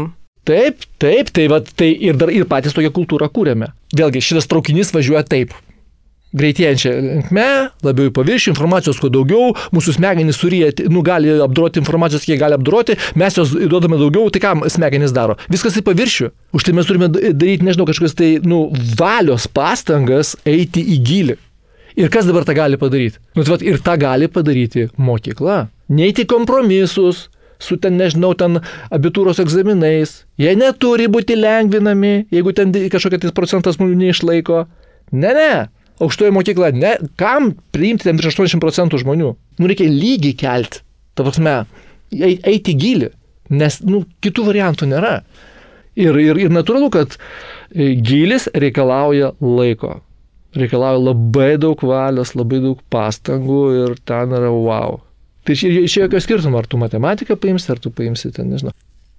Truputį gal tada taip, atitrūkstant, nuo gylio, bet prie mokymosi proceso dar liekant, į klaidas norisi pasižiūrėti. Čia be abejo ne tik mūsų sistema ir ne tik švietimo, bet bendrai mes neleidžiam. Iš principo neleidžiam niekam klysti. Klysti ne, negerai yra, blogai sėsk du, ar nežinau, darbe baudžia, išmeta iš darbo, žodžiu, visuose ligmenyse. Ir jūs apie tai irgi kalbat, kad iš principo, nu taip, tai tik per klaidą tas mokymasis vyksta. Va čia įdomu kažkaip pažiūrėti ir plačiau, ne tik į jaunimo ar vaikų mokymasi, nes aš manau, kad tai visuomeniai įvairiausiose pjūviuose galima pastebėti, kad klysti iš principo yra negalima ir visi tada linčiuos. Kaip mokytis klysti? Čia, čia vėlgi aš manau, kad tai, jeigu kalbėti apie mokyklą, jeigu tu buvai tas žmogus, kuriam draudė klysti ir tu dar prisimeni, kaip draudė klysti, o tu norėjai kažką tai daryti, ką žinau, gal ta tolerancija kažkokia tai išlieka, ta prasme, gal tu jiems leisi daryti truputėlį daugiau. Bet jeigu buvai sistemos, sistemos dalis, aš kalbu apie tą praeitą sistemą, Nu tai viskas, tai ta prasme, nes, nes mokiniai yra patogus, kurie daro taip, kaip reikia daryti. Aš prisimenu, kaip sovietmečio rašydavo, ten būdavo elgesio pažymiai, nu, dabar tokių nesąmonių nėra. Anksčiau buvo elgesio pažymys. Kas tai buvo pavyzdingas elgesys, buvo geras elgesys, patenkinamas elgesys, blogas elgesys. Kas turėdavo pavyzdingą elgesį? Kas nesielgdavo? Tylėdavo. Nu, nesielgi, turi pavyzdingą elgesį, ne? Dabar aš irgi, vat, man toks klausimas kyla, dabartinė sistema, pavyzdžiui, kokio tipo tas mokinys yra mokykloje, Va tas, kuris iš tikrųjų ten, nežinau, ten startupo būti būsimasis kuriejas, nu, kuris, va, nu, atsit keistą gyvenimą kažkaip tai. Ar tai yra tas tipinis tas pirmūnas, toks, kuris visas disciplinas gerai mokosi, ar jis toks yra rakštis, toks maištininkas, toksai, va, suprantate, jisai kažkur, pavyzdžiui, labai, a kažkas nelabai, tai tas, kas nelabai, jisai ignoruos, nu jis jaunas, ta prasme, jis yra toksai, jis turi savo vektorių. Tai čia klausimas yra iš tikrųjų, va, su tokiais yra labai labai, nepa... vėlgi, tas, tas blogietis gali būti tikrai, žodžiu, blogietis, kai jis yra toks viską ignoruojantis, toksai blogietis, toks nihilistas, hamas ten dar kažkoks, tai gali būti toks blogietis. Bet gali būti tas blogietis toksai, nu toks, va, kuris, va, įstoja į Harvardą, ten nesvarbu, ten Jobsas ar ten kas ten, ar, ar Geitsas, reiškia, ir spjauna į tą Harvardą. Sako, susikiškite Harvardą. Aš turiu, aš žinau. Tai va, tai va, čia va, ir va su tokiais žmonėmis yra sudėtingais toksai, nu jis turi savo vektorius, daug ką neigia ir va tokius atpalaikyti, nu, čia yra, pačiam reikia daug jėgos, bet vėlgi, nu jeigu tu, kaip skaityti, nesi pakilęs iki jo lygio, e, suprasti yra sunku, nes, nu mes visi užsinėm savyginą. O jis va toks va. Tai čia vėlgi e, vedu prie ko. Pedagogikoje reikia labai ryškių asmenybių. Asmenybių klausimas yra visą laiką. Asmenybių. E, labai ilgai tie mokytojai buvo, kas ir pagal atlyginimus, pagal, vis, pagal viską buvo tokia nustekenti, Ir už tai, kai jis sako, o, tu čia pakelsi atlyginimą, ta prasme, tai čia niekas nepasikeis. Ne, niekas nepasikeis iš tikrųjų. Tu man pakelk atlyginimą, nu ką, nu aš kaip dirbu, taip dirbu, reiškia, kiek aš turiu tos, reiškia, kažkokios motivacijos, savikritikos ir taip toliau, taip aš ir dirbsiu. Bet kažkuria prasme pinigai šia lokinė sistemoje, jie yra visuomenės įvertinimas. Tai vad per pinigus, aš manau, per, vat, vat, būtent per tą skatimą, per atlyginimus, turėtų ateiti jaunimas į, nu, į pedagogiką. Turėtų ateiti asmenybės, kūrybingos, tik tai jos gali kažką prasukinėti, o tai yra žiauriai ilgas procesas. Mes jau pasodinom 30 metų į dugną. Ir dabar iškelbus žiauriai sunku. O čia suprantate, čia yra kaip, kaip ir su kultūra. Nu gerai, nu tai, au, yra ta kultūra, nu kokia, ar ten saulėgražų kultūra, ar nesaulėgražų kultūra, nu vis tiek neegzistuoja kažkokia tai kultūra. Tai su švietimu lygiai tas pats, nu bus tas švietimas, nu ten gerai, ten nebus ten kažkokių tai ten kosminių mokytojų, nu bus ten kosminių mokytojų, vis tiek bus, kažkaip bus, ne? Bet užpritraukti va tas būtent asmenybės yra labai labai svarbu. Nu, o, o kai asmenybė tai yra viskas, ta prasme, nu, tai yra platus žmogus. Ir va tas tada jisai gali kaip tik ir, ir, va, nu, ten ir skatinti, ir motivuoti, ir skaityti e, tekstą žmogaus veide, tavo ten jauno žmogaus, supranti, ir, ir supras, kad, nu, jo, tau čia būdinga, kad tu čia perlenksi lasdą, reiškia, gal čia truputėlį pakoreguosiu, reiškia, bet neužmušiu, bent jau. Tai čia tokie labai subtilūs dalykai. Taip, čia iš mokytojo perspektyvos vienaip, žiūrint, vat, ką jūs irgi paminėjot pradžioje apie gerą elgesį ir bendrai galvojant, tai koks yra švietimo ar ne tikslas, ar, ar išugdyti vat, gerą, tvarkingą, ramų, įspraustą į rėmus, nu, žodžiu, kad, kad elgtųsi taip, kaip aš noriu, kaip patogu, kaip lengviau. Čia ypač gal ir pradinėse klasėse galima pastebėti, kai, kai vaikas dar tikrai yra begalinės energijos ir laisvės pavyzdys ir tuomet viskas yra negalima, nes taip yra nepatogu. Ir tada jūsų pavyzdžiai irgi ką sakot, kad greičiausiai, nu, va, ta kūryba vyksta ir veržiasi ne tada, kai yra viskas įrėminta ir viskas negalima. Čia dar norisi truputį gal ir plačiau vėl už mokyklos rėmų pažiūrėti ir tokią nutilėjimo, patogumo, nepasakymo kultūrą ir tokio po populizmo dabartinio ir viešojo kalbėjimo, viešųjų ryšių, tokio politkorektiškumo, diplomatijos, kai mes visi norime atrodyti gerai, patikti, įtikti, žodžiu, tilpti Kokią čia riziką matot, nes vat, irgi susisieja su tuo, ką apie startupų kuriejus būsimus kalbant, rakštis. Tas. Nu, tai tie, tie, kurie žino tą, kas ten darosi vakaruose, nu, iš, iš, iš straipsnių čia, reiškia kelių straipsnių, kas ten darosi vakarų universitetuose, tai kad su tą politkorektiškumu yra problemos. Nes iš tikrųjų mes iki tiek tą politkorektiškumas jau atėjo iki tokio lygio, kad jau, nu, iš tikrųjų net kartais jau diskutuoti nebeįmanoma. Nes tiesiog, nu, užimti kažkokią tai radikalesnę poziciją jau yra kito neigimas. Tai čia yra, yra ta, čia viena pusė. Bet dar gal į mokyklą truputį irgi galima pažiūrėti laisvės raiškai ir nepatogumui. Vėlgi čia bet kokios sistemos rėmuose, tas, kuris yra nepatogus, kuris ateis ir sakys, nežinau, nepatinka man balys ruoga, jisai taip ir taip viską blogai rašė galbūt, kad e, aš iš tiesų esu tiesiogiai susidūrus ir savo mokyklos laikais, kad Tai yra absoliučiai netoleruojama, tavęs neklausia, kodėl tau nepatinka ir argumentuok ir gal mes čia galim kažką iš tiesų padiskutuoti, bet tai yra netinkama, taškas.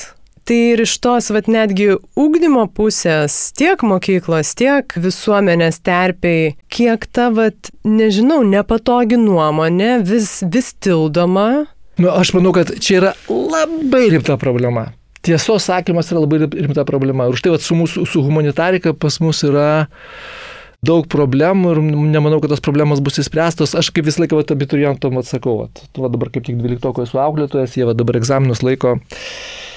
Ir, ir sakau, dabar žiūrėkite, jūs pamėginkite, rašydami literatūros temą, atvirų tekstų parašyti, ką galvojate.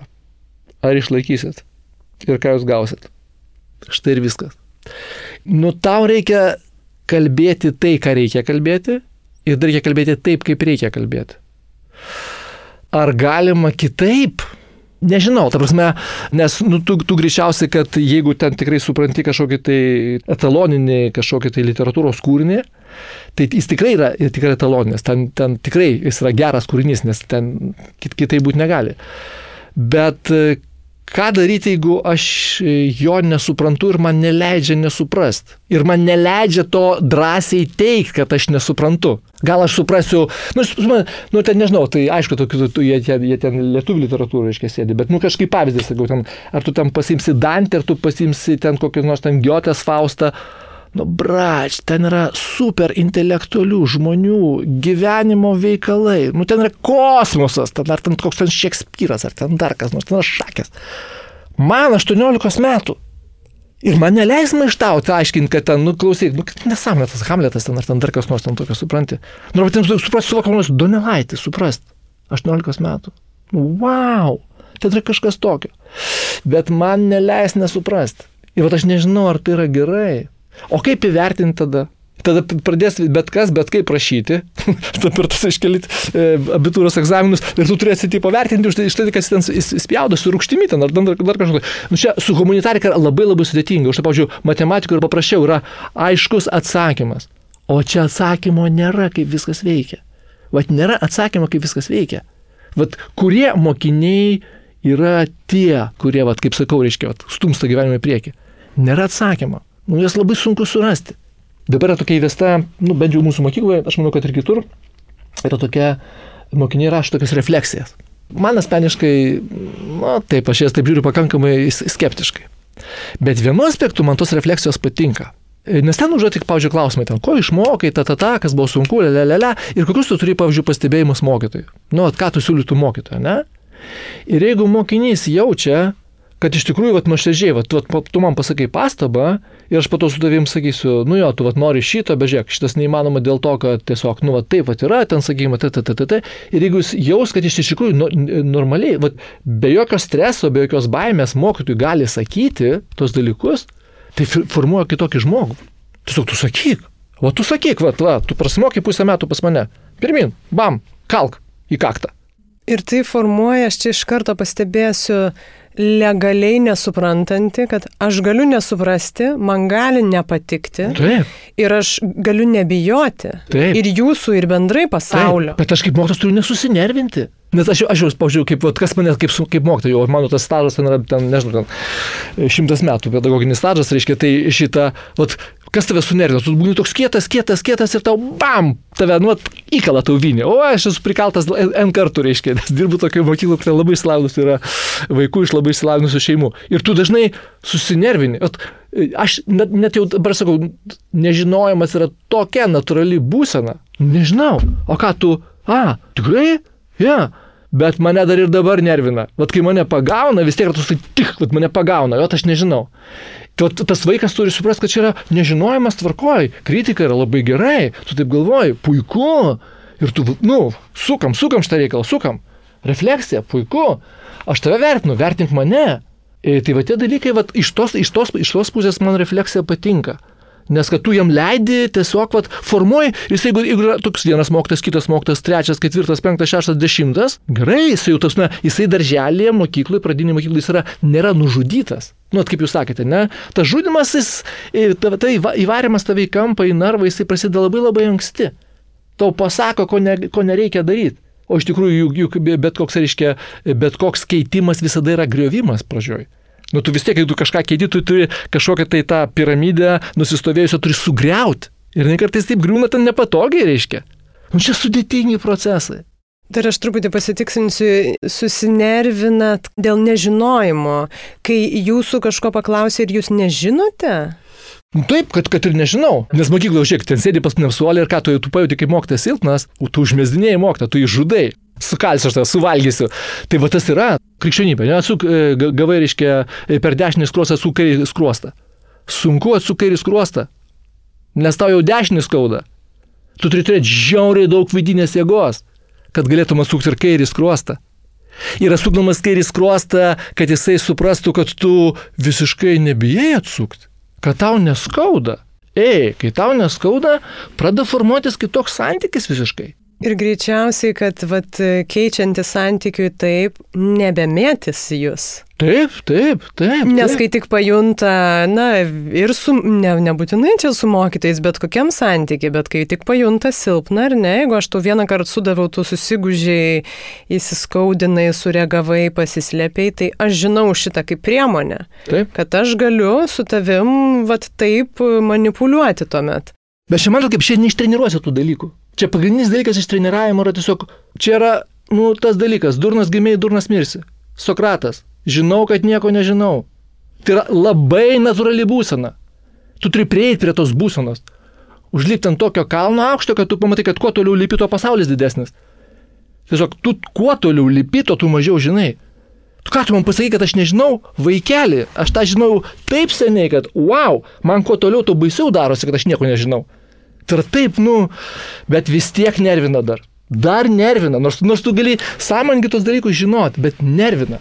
Įdomu, kad gal nervina net ir ne pats nežinojimas. Nu, sakykime, ne nervina, bet, nu, kažkokio tokio, vis tiek tas toksai strisiukas toksai būna, nu, vis tiek tave toksai sukrato šiek tiek viduje. Bet čia yra turbūt autoriteto klausimas, ar ne?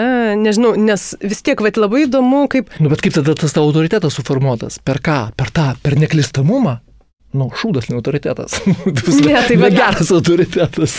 tai čia ir yra va, tokie klausimai, kad aš tikrai esu irgi sutikusi ir mokytojų, ir, ir vadovų, na vėlgi, va, autoritetingo ir ne pozicijoje, kurie savo tą tvirtumą, tą pagrindą tik tuo ir grindžia, kad aš esu tvirtas, aš esu nepajudinamas, aš neklystu, žinau. man pagarba, aš žinau, e, bus taip, kaip pasakysiu.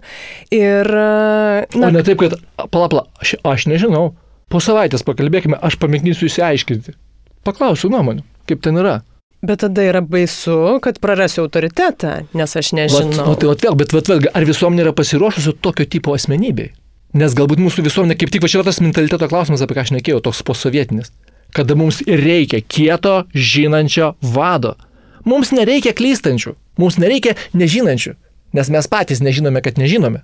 Ir va, va šituos dalykus pakeisti yra labai sunku. Vat supras, kad, nu taip, nu čia tai viskas yra taip sudėtinga. Net 2 plus 2 yra taip sudėtinga. Kaip visuomenė paruošti kitokių? Čia neparuoši. Čia kaip krikščionybė. Mylėk savo artimą kaip pat savęs. Ar, ten, ar nevok, ar ten dar kažkas. Tai yra tam tikri, nu tas dekalogas yra kaip tam tikra idealaus elgesio, nu tam tikri tokie vat, momentai suformuoti.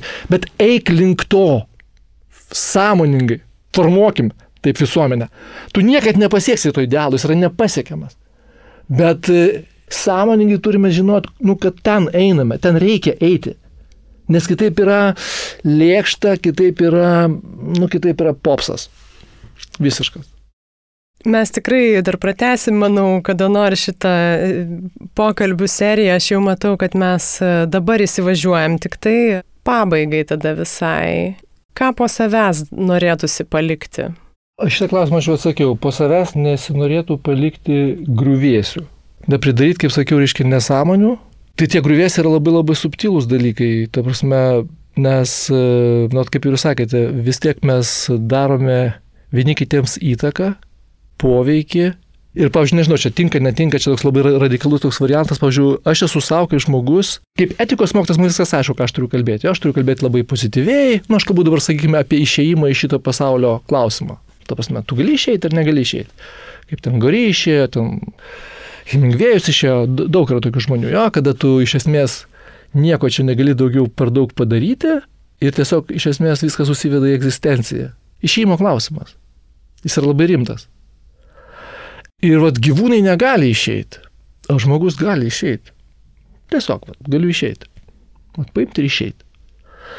E, čia vėlgi, žymo, žymo klausimas labai įdomus. Čia gali išeiti, kol esi sotus. Vat pasirodo, kai esi jau e, ten badauji labai ilgai, išeiti negali pasamoniniai procesai yra žymiai stipresni negu samoniniai procesai. Tai čia jau reikia skaityti, kaip žmonės elgesi koncentracijos stovyklose, visokiose gulagose ir taip toliau, taip toliau. Nu tai va, tai gal galėčiau išeiti, bet e, ar nebūtų po to lengviau išeiti mano vaikam? Klausimas labai įdomus. Tai išeidamas aš galiu priskaldyti labai daug malkų. Iš esmės, galbūt norėdamas lyg tai kaip ir, nu kodėl aš dabar savo egzistenciją turiu dar kažkam tai užkrauti kažkokias tai problemas. Bet e, nenorėdamas užkrauti tų problemų, išeidamas aš galiu tiek problemų pridaryti. Ir aš nežinau, kaip iš tikrųjų yra. Tai aš kaip kalbu dabar apie tą, sakau, nepriskaldyti daug malkų, aš kalbu apie tai, kad, e, nu kažkaip tai, ne, nepriskaldyti malkų. Darykite gerus darbus. Ir tiek. Suprantame, kad tie geri darbai yra labai toks relatyvus dalykas, aiškia, nes vienam galbūt geras darbas tai, kas yra kitam blogas darbas, ne? Bet šitoje situacijoje, taip kaip mes vat, esam dabar, ilgai pamastę ne tik apie save, ne tik egoistiškai, nu kažkaip tu nujauti dabar, vat, kas yra tas geras darbas. prasme šiandien. Bent, nu, vat, kaip sakau, reiškia, kaip aš grįžtu prie tos sengirės, reiškia, nelieskite, nes ateinate ir nesąmonių pridarote žmonės. Tiesiog. Ir va čia už tai labai tada darosi labai sudėtinga, nes kuo tu matai platesnį kontekstą, tuo tada tas, o tai kai, ką dabar daryti, kad nepriskaldyti. Yra sudėtinga.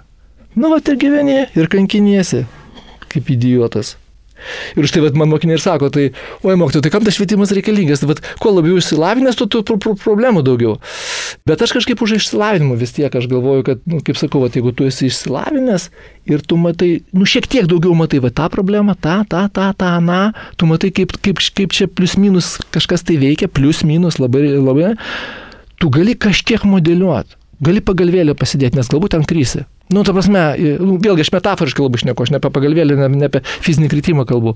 Koks jūsų paskutinis klausimas buvo? Jūs į jį atsakėt. Panašiai.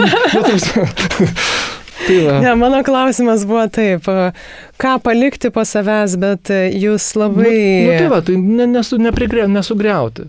Kad Na. tu nebūtum problema kažkam. Ir savo pačiam, ir pasauliui. Nu, savo pačiam tai jau problema, bet tai kuo mažiau būtų problem, problema kitam. Taip, ir čia mes visą ratą ir apsukam, nes grįžom į pradžią, netrukdyti kitam. Nes aš ir pradžioj norėjau paklausti, netrukdyti kitam yra viena, o ar galim padėti kitam? Ar mes dar, bet jo, ge, gerus tai, daryti? Ne, tai labai tvarkoja, tai jeigu tu ten gali gerus darbus daryti labai gerai, bet čia lygiai taip pat reiškia, kaip ugdyti kūrybingumą. Pradžioj nežudyk. Tu leisk žysam kažką tai daryti. Nes tai prasideda nuo to, nežudyk tu to vaiko. Vat nuo to pradėkime. Nes mesgi žudome juos, iš karto pasako, oi ne, ne, Petriuk, tu čia žinai, netam kampė atsistoji. Jau žudai. Leistam kampė atsistoti Petriukui pastovėti. O mes čia dažnai kalbam apie, oh, kaip mes ugdysime jo kūrybingumą kažkokią tai. Palauk, leis Petriukui tam kampė pastovėti. Ar ten nugriūti, ar ten dar kažką tai padaryti. Tai aš apie tai, apie tai išneku, kad mes, nu ten yra tas ugdykim, bet labai dažnai tokių nuo, nuo paprastų dalykų viskas prasideda. Bet vėlgi, labai lengva šnekėti išeini ir nesąmonės darai. Vis taip pat yra. Visi kasdieną mokomės. Ir nieko neišmokstam. Dėkui Jums jūs labai. Turite, jūs dar turite vilties.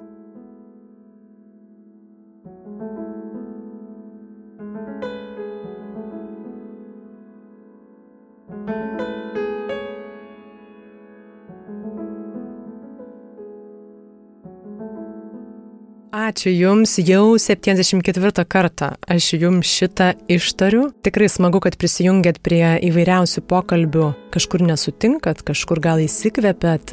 Jei kyla noras pasidalinti po pokalbių užgimusiomis mintimis, tai visada drąsiai rašykit podcast'o socialinėse medijose. Aš pati viską perskaitau ir tikrai randu laiko visiems. Čia ne pažadas, čia realybė. Ir šį kartą man tikrai užstrigo Richardo pasakytos net keletą kartų mintis apie tą netrukdymą ir nesikišimą. Jūs įsivaizduojat, kaip viskas kitaip vyktų, jei mes visi bent kažkiek mažiau trukdytume vieni kitiems tai jau daugybę podcast'o pokalbių sukeliančių netikėčiausių minčių rasit Spotify, iTunes 15 min klausyk ir kitose programėlėse bei karalaitė.com pasvirasis brūkšnys podcastas.